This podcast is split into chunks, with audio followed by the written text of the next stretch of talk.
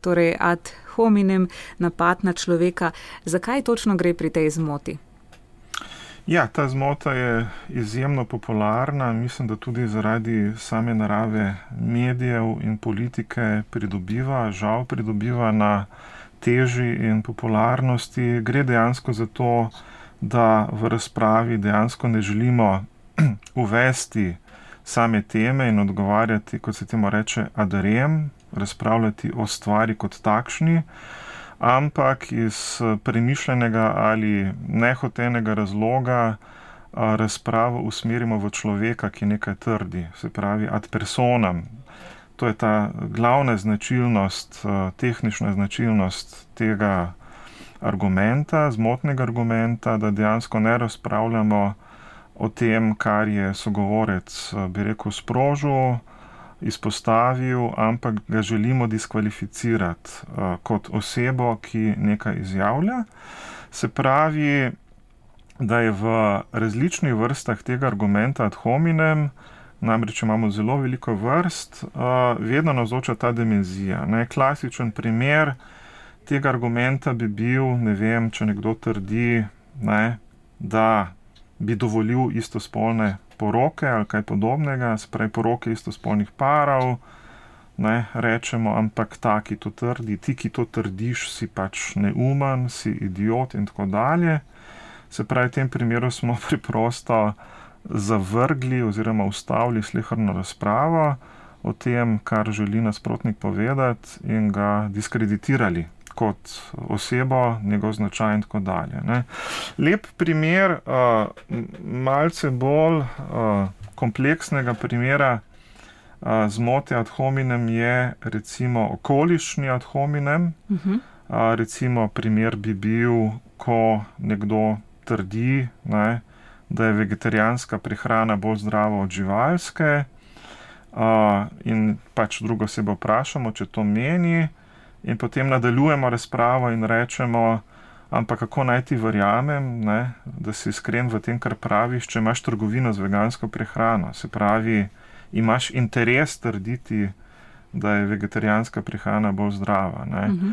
Zakaj je to zmota? Zmota je zato, ker te okoliščine, ki jih navajamo, neke osebne motive, interese posameznika, ki trdi v tem primeru, da je vegetarijanska prehrana bolj zdrava od živalske, pravzaprav nima dobenega vpliva na resničnost in napačnost njegovih trditev. Sprej, res je lahko, da ima nekdo trgovino za vegansko prehrano, ampak to še v ničemer ne spodvrže njegovih trditev, da je vegetarijanska prehrana res bolj zdrava od živalske. To je res neka osebna okoliščina, ki jo navajamo za to osebo. Če ješ, ti imaš motiv to trditi, ti imaš trgovino in prodajaš prehrano in tako dalje, tvoj interes je, da bi zaslužil. Ampak seveda zaradi tega, ker ima nekdo trgovino ne, z uh mhm. -huh. to vrstnimi izdelki, njegove trditve ne bodo nič manj resnične. Tako da ni nujno, da pri argumentu ad hominem diskvalificiramo izključno značaj človeka, ne, zato pravimo včasih tudi etotičen argument ad hominem, etos pomeni namreč v stari grščini značaj lahko diskvalificiramo nekoga in vedno pač nekoga diskvalificiramo na podlagi nekih zunanjih okoliščin, njegovih interesov, motivov, ki jih ima domnevno in tako dalje. Ne. Je pa ta zmota ad hominem v Sloveniji, v slovenskem javnem diskurzu, kar precej pogosta.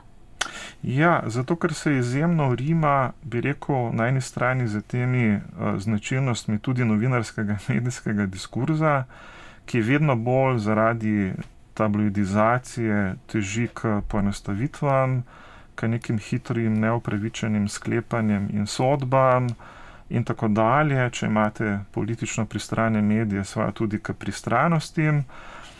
Po drugi strani pa tu značilnost javnega diskurza kot takega, ker se bi rekel, kregati, biti v konfliktu z nekom vedno enostavneje, kot pa replicirati na njegove argumente. V političnem diskurzu je pa jasno, zakaj. Zato, ker žali Bog v tudi Sloveniji ta politični diskurs postaje vedno bolj žaljiv, vedno bolj norčav, vedno bolj eh, diskreditacijski, temelji kot rečeno na ne na izmenjavi argumentov, ampak na tem, da političnega nasprotnika, oponenta prikažemo kot smešnega, kot nekonsistentnega, kot hinavskega, kot nekoga, ki je zvezan z nekimi strici za zadnje in tako mhm. dalje. Preden greva k naslednjim zmotam, bi ja. vas ravno o tem prosila, da bi še kakšno besedo rekli, torej o našem političnem diskurzu. V čem se recimo razlikuje raven argumentacije ali pa ne vem, usposobljenost za to argumentacijo, ne vem, od kakšnih drugih držav. Ima Slovenija, slovenski razpravljavci, politiki, tudi mediji, ki jih povzemajo, kakšno specifiko? Uh, specifiko imajo, morda glede na te razvite demokracije v Evropi in tako dalje. Uh, ne, bolj bi rekel, da se v našem političnem diskurzu zelo pogosto sploh argumentacijske zmote in prevare in manipulacije bi rekel uporablja kot kje drugje in ostanejo nerazkrinkane, se pravi so dopuščene in so uspešne. Namreč uh, Zdi se mi celo, da je en poseben segment slovenske politike utemeljen na psihopolitiki, se pravi na delovanju, uh, uh, bi rekel, doseganju političnih ciljev s pomočjo psiholoških učinkov in del te psihologije je seveda tudi argumentacija oziroma retorika na drugi strani. Ne. Treba se zavedati, da vsakič, ko govorimo o argumentacijskih zmotah ali prevarah, odvisno od intence, govorca včasih ne ve, da je storil napako, včasih se pa tega zaveda in v tem primeru vara, ne, da je to na nek način uh,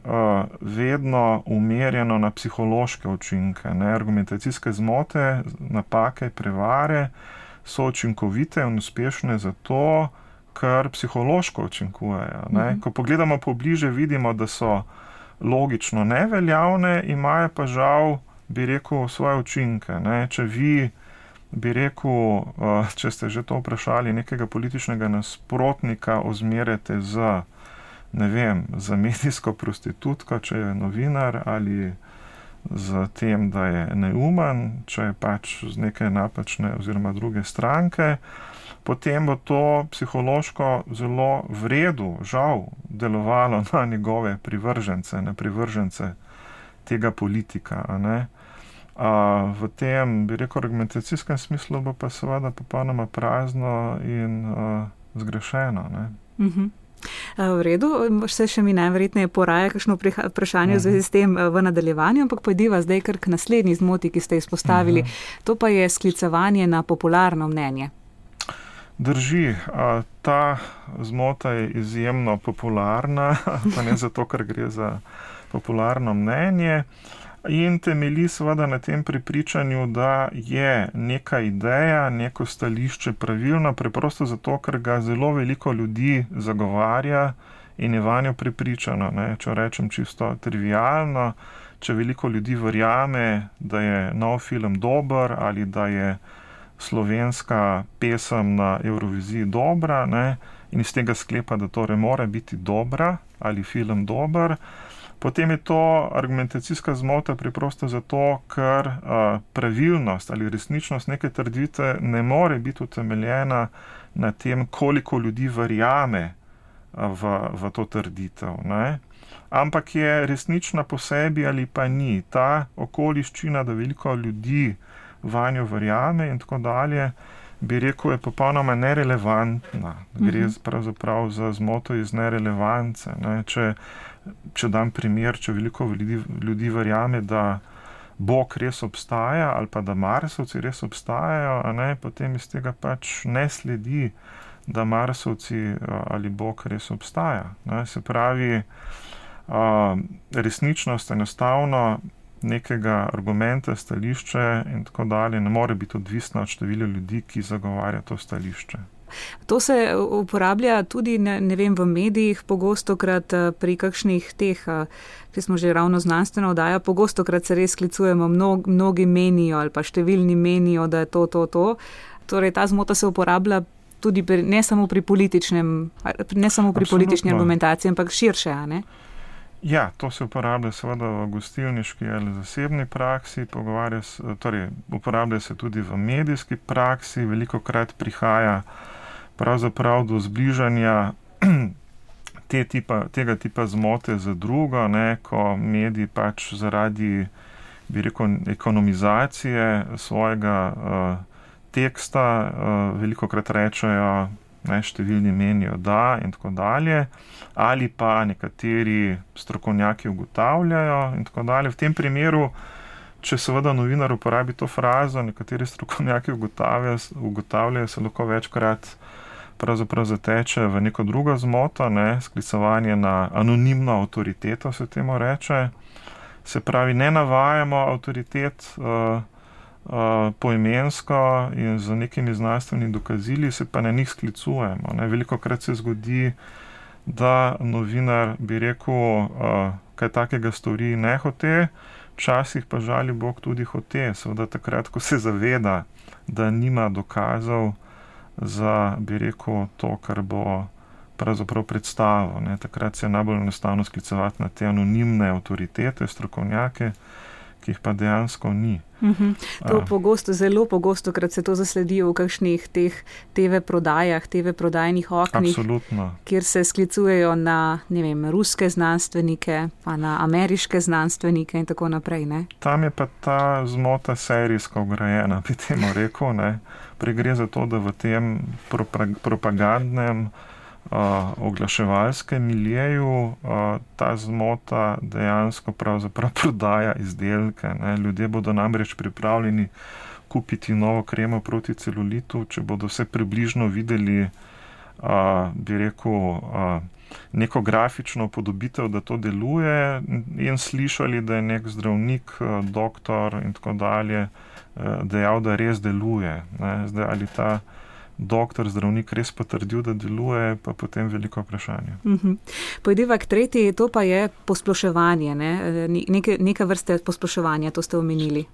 Drži. Ja. Uh -huh. Se pravi, uh, k posplošitvi smo nagnjeni vsi po svojem značaju. Uh, posplošitev je vedno, bi rekel, neka bližnica proč od mišljenja. Uh, in seveda jo uporabljamo vsak dan. Mislim, če dam en takšen banalen primer, če imate vem, v družini kadilca in je vaša mama kadila, potem lahko nekdo recimo trdi, da je moja mama pokadila štiri škatlice cigaret na dan, da je kadila 14. leta in je živela 18 let. 80 let.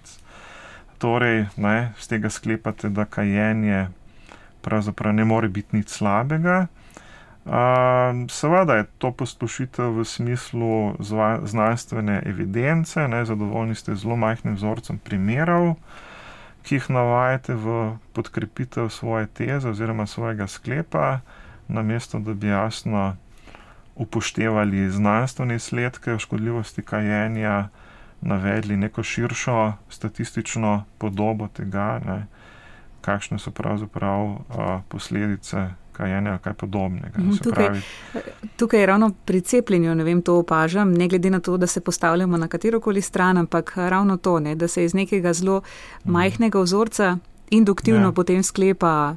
Ne, na, na populacijo in na, na negativne učinke cepljenja. Je, je tu možno potegniti kakšno sporednico s posploševanjem? Seveda. Uh, mislim, da ne gre za induktivno sklepanje, uh, induktivno sklepanje bi seveda predpostavljalo, da poznamo kar nekaj primerov ljudi, ki kadijo, pa se to ne pozna na njihovem zdravju in so zelo dolgo živeli. Um, ampak je običajno res izpeljano z neke osebne izkušnje, prvoosebnega uh, empiričnega znanja o tem, da poznate eno, dva, tri osebe in potem se zadovoljite, ne, da seveda te tri osebe. Ne, resnično, recimo v tem primeru, uh, so dolgo živele, kaj takega. Uh, kot rečeno, k temu smo nagnjeni po naravi, če že omenjate to cepilno problematiko. Se mi zdi, da je ta zmota prehitre posplošitve veliko krat na nek način uh, povezana z neko drugo mentalno sliko in uh, ki je zelo uspešna, namreč teorijami zarod. Ne? Se pravi, um, včasih gre za to, da smo na podlagi popolnoma napačnih uh, prepričanj in znanstvenih izsledkov, recimo temu šarlatanov in tako dalje, nagnjeni k torej, torej skokom v, preskokom v prehitre sklepe, ne, oziroma v prenagljene pospešitve, in da se to dvoje veliko krat kombinira, sprej kontekste veliko krat pri prehitrih posplošitvah, pa tudi kakšni drugi zmoti, dejansko naše napačno prepričanje v to, vem, da uh, je uh, cepitev zdravju škodljiva in da je pravzaprav zarota farmacevtske industrije ali kaj podobnega. Uh -huh. Pojdiva zdaj k četrti zmoti, ki jo izpostavljate, to je uh, zmota napačne sledi oziroma tu je red herring. Drži, napačna sled je pravzaprav zelo pogosta zmota, napaka. Največkrat je uh, izraz neke zadrege in stiske, v kateri se sogovorec znajde, uh, in, uh, ko, in preprosto ne najde pametnega protiargumenta, da bi zavrnil vaše stališče. Primer bi recimo bil, da prva oseba recimo trdi, da ne, ne, ne moralno je utajevati davke, tega pač ne smemo početi. Ne. Na TV Slovenije smo nedavno v Daji Tarča imeli takšen primer.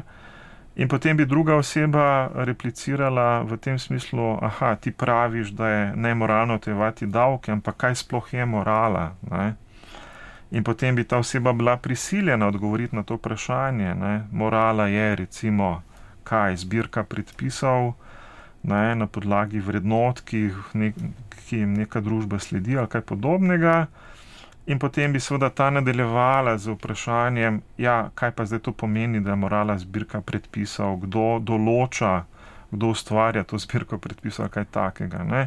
Se pravi, za napačno sled je vedno značilna ta oddaljitev od teme, se pravi, druga oseba vas poskuša, uh, hote ali ne hote, kot rečeno, zapeljati proč od začetne teme ne, uh, in je pri tem uspešna. Ne. V tem primeru bi ta oseba seveda uspela začetno razpravo o tem, ali je utajevanje davkov moralno ali ne, pravzaprav napeljati na drugo temo, v tem primeru recimo o tem, odkot izvira morala in kdo določa, katere so prave vrednote v v družbi, ki moramo slediti, ali kaj podobnega. Se pravi, ne, tudi izvorna ta napačna sled, bi rekel, nosi ime v angleščini, ker so o tem najprej pisali red herring, kar pomeni rdeči slenik, ne, v smislu, da so, ne vem, v dalji za povohat. Uh, psom eh, ta slenik in ga s tem zapeljali proč od sledi, ki bi moral slediti ta aha, aha. pes. Ne? Se pravi, um, vedno gre kot rečeno za, bi rekel, uh, poskus neke argumentacijske manipulacije, pri kateri sogovorca odpeljemo proč od začetnega izhodišča. Kater, ne, zato, ker nam je pač nelagodno ali nimamo pametnega argumenta, da bi se v začetni točki z njim pogovarjali. Ampak za to, ne vem, primerjavi mogoče s kakšno že prej omenjeno zmoto, mora biti pa ta, ki jo uporablja, že vsaj malo spreten, ne? zato da se zaveda, da, da nima drugega vzvoda in da uporabi nekakšno tako vabo. Uh, ne, nujno, lahko se te stvari odvijajo na precej, bi rekel, vsakodnevni, banalni, trivialni ravni. Največkrat se celo na taki ravni odvijajo, da se dejansko ne zavedamo, ne, da smo temo razprave pravzaprav povlekli nekam povsem proč. Ne. Uh, tako da imate bolj enostavne, bolj kompleksne primere te napačne sledi.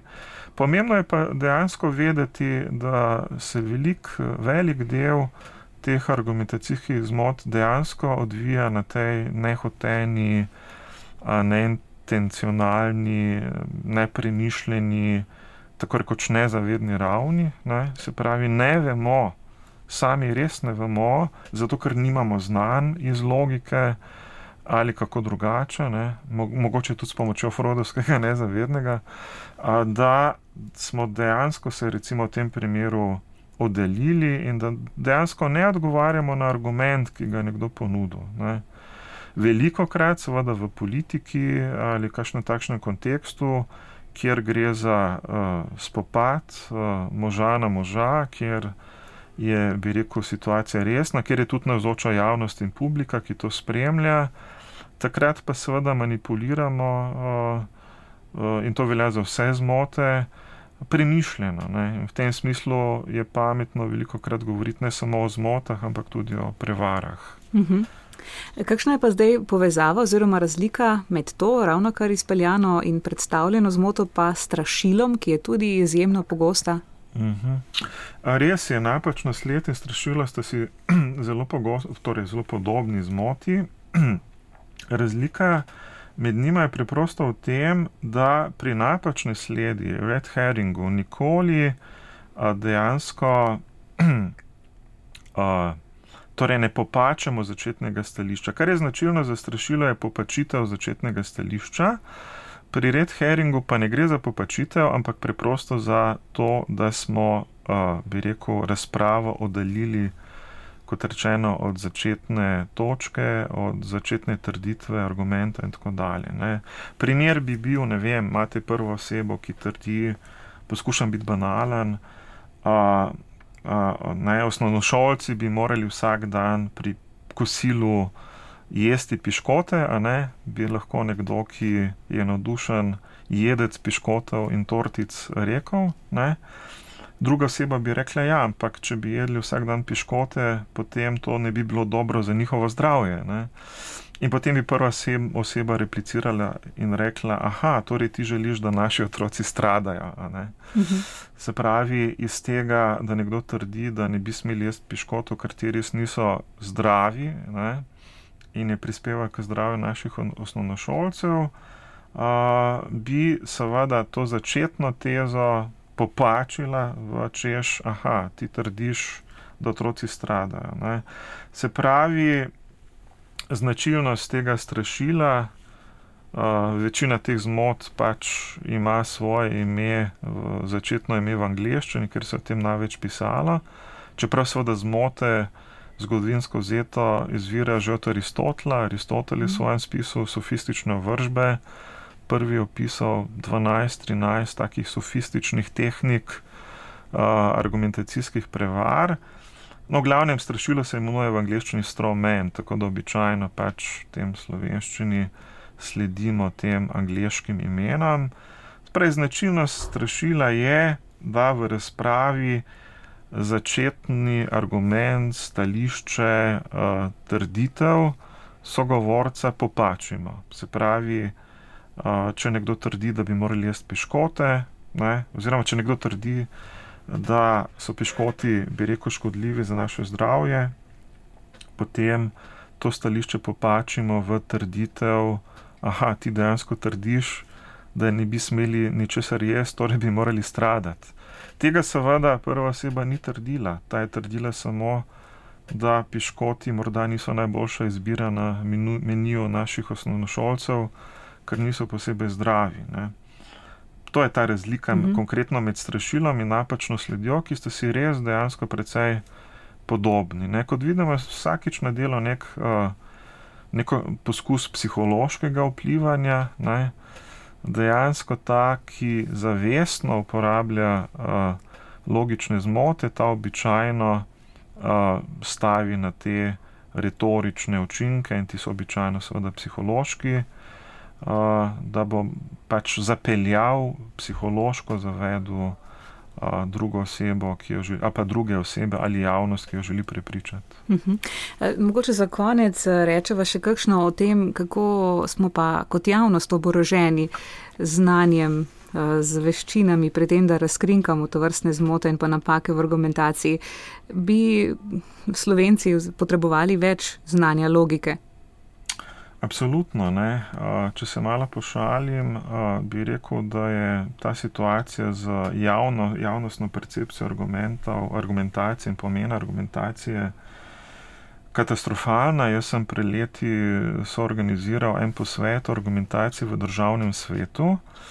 Na ta posvet je prišel točno en poslanec, pa, je, pa, pa še ta je ostal samo pol ure, se pravi, niti tisti, ki mi je, bi rekel, seznanjanje z pravili argumentacije namenjeno, temu ne prisluhnejo. Ta dovzetnost uh, politikov, znanstvenikov, javnih delavcev in sploh državljanov se mi zdi precej katastrofalna. Uh, tako da je tukaj, bi rekel, zelo hvale vredno, da ste se vi spomnili pravzaprav te temi spregovoriti. Ja, ker v bistvu sam, sama bolj spremljam te ta znanstven vidik oziroma to, mhm. te ravno zmote avtoritete, ki ste prej izpostavili in tako naprej. In smo se ravno zadnjič na eni okrogli mizi, komu verjeti, zaleteli ob te zmote. Ne? In da če bi bili samo pri tem oboroženi z boljšim znanjem, bi, bi kakšno teorijo zarote bi imela kakšna teorija zarote veliko manjšo moč že na splošno ja, javnosti. S tem, ne? da če smem, ne, eh, zdi se mi, da opozarjanje na zmote znotraj znanstvenega diskurza kot takega je še najmanj problematično. Zakaj? Zato, ker bodo znanstveniki vedno, seveda, eh, zato da zaščitijo svoje dobro ime in tako dalje, oporekali drugim znanstvenikom ali šarlatanom, ki kaj trdijo. Mhm. Spred tu se mi zdi, da tega, te težave, da bodo, bi rekel, neznanstvene trditve prevladele, ni. Večja težava je, kot rečeno, v tej širši javnosti, v politični sferi in v medijski sferi, ker pa te korekcije in ljudi, ki bi uspeli, bi rekel, opozarjati na te zmote, in slabe ali pa škodljive posledice teh zmot preprosto ni. Ne? Preprosto tudi zato, ker mediji pogosto krat so se zadovoljijo samo z mnenja. Ne? Eh, če dalje bolj opažam, da tega zoprstavljanja različnih res, vrst mnen, da je to trenutni. Modus operandi, recimo, številnih medijev, no, tukaj, novinarjev. Tukaj ne? bi tako le malce ironično rekel, da, v, da mediji v tej formi razprave pro et contra se pravi, dajmo razpravljati o temi A, ampak tako, da bo, bo imeli oseb, prvo osebo, ki bo zagovarjala stališče za in drugo, ki bo zagovarjala proti, poskušajo biti neutralni, uravnoteženi in tako dalje, in s tem se že vnaprej odpovejo pravzaprav iskanju resnice oziroma a, tega, kar dejansko stoji za nekim stališčem. Ne? In v tem pravzaprav ponavljajo tistega, ki je izumil razpravo proti kontra, to je bil sofist Protagora ki je pa seveda verjel, ne, da je vsako stališče resnično, zato ker je pravzaprav subjektivno, subjektivni pogled na svet tisti, ki je pravilen. Če se nekomu dozdeva, da je res A, potem je zanj res A, če se nekomu drugemu dozdeva in misli, da je res B, potem je res B, se pravi, sofisti so bili, kot veste, ti spoznavni relativisti, ki so verjeli, da je pač resnica takšna, kot se mu vsakemu prikazuje, in da je pravzaprav uh, ta pluralnost resnic uh, pravo edino vodilo, ne, zanikali so seveda objektivnost nekega spoznanja in objektivnost resnice kot take. Tako da se mi zdi, da tu novinari ne hote oponašajo sofista Protagora. Ja, in zapadajo ta, kot ste rekli, spoznavni relativizem. Tako je, odpovejo se iskanju te edine platforme resničnosti in verjamejo, da če prva oseba misli, da Marsovci obstajajo, in druga oseba to zanika, da, da imate obe nekako prav, ne? kar pa seveda po moje ni novinarsko poslanstvo. Mhm. Če nekako to zaokroživa ravno s tem novinarskim poslanstvom, potem kako bi morali nastopati novinari danes, da bi nekako delovali v skladu s svojim poslanstvom, torej biti vse čas na lovu za temi napakami, zmotami, argumentaciji, komu dajati sploh besedo. Ja, seveda ne eh, početi samo tega, ne, eh, ker najbrž niso toliko niti izobraženi v, eh, bi rekel, teoriji argumentacije. Vsekakor pa bi morali ravnati profesionalno in bi rekel, dajati priložnost in zasledovati, bi rekel, tiste avtoritete, znanstvene in druge, za katere bi rekel, lahko utemeljeno verjamejo, da o nekem področju nekaj vedo. Ne. Uh, neka, po drugi strani se pa izogibati, kot rečeno, tej schemi, po kateri je treba za neko, bi rekel, domnevno preveč uh, uh, politično ali družbeno nevarno stališče, takoj najti, bi rekel, nekoga, ki bo mislil ravno nasprotno od tega in potem v nekem soočenju dveh mnen hoteli ne hoteli relativizirati. Ne. Uh, se pravi, uh, nekatere moralne dileme v družbi, seveda, gotovo so takšne, da treba dopustiti, bi rekel, obe plati, ne, ne vem, razprava o splavu in tako dalje. Ne. Ampak seveda, obstajajo pa tudi konteksti, kjer lahko neka izborjena človekova pravica, v primeru, če bi nek medij, nek novinar, bi rekel, intenzivno iskal sogovorca, ki bo zagovarjal stališče proti splavu, ne, postane sporna v tem smislu, da manjša. V neki družbi manjša veljavo in težo, te že priborjene in zakonsko, bi rekel, prepoznane človekove pravice. Tako da stvari lahko postanejo zelo, zelo zapletene.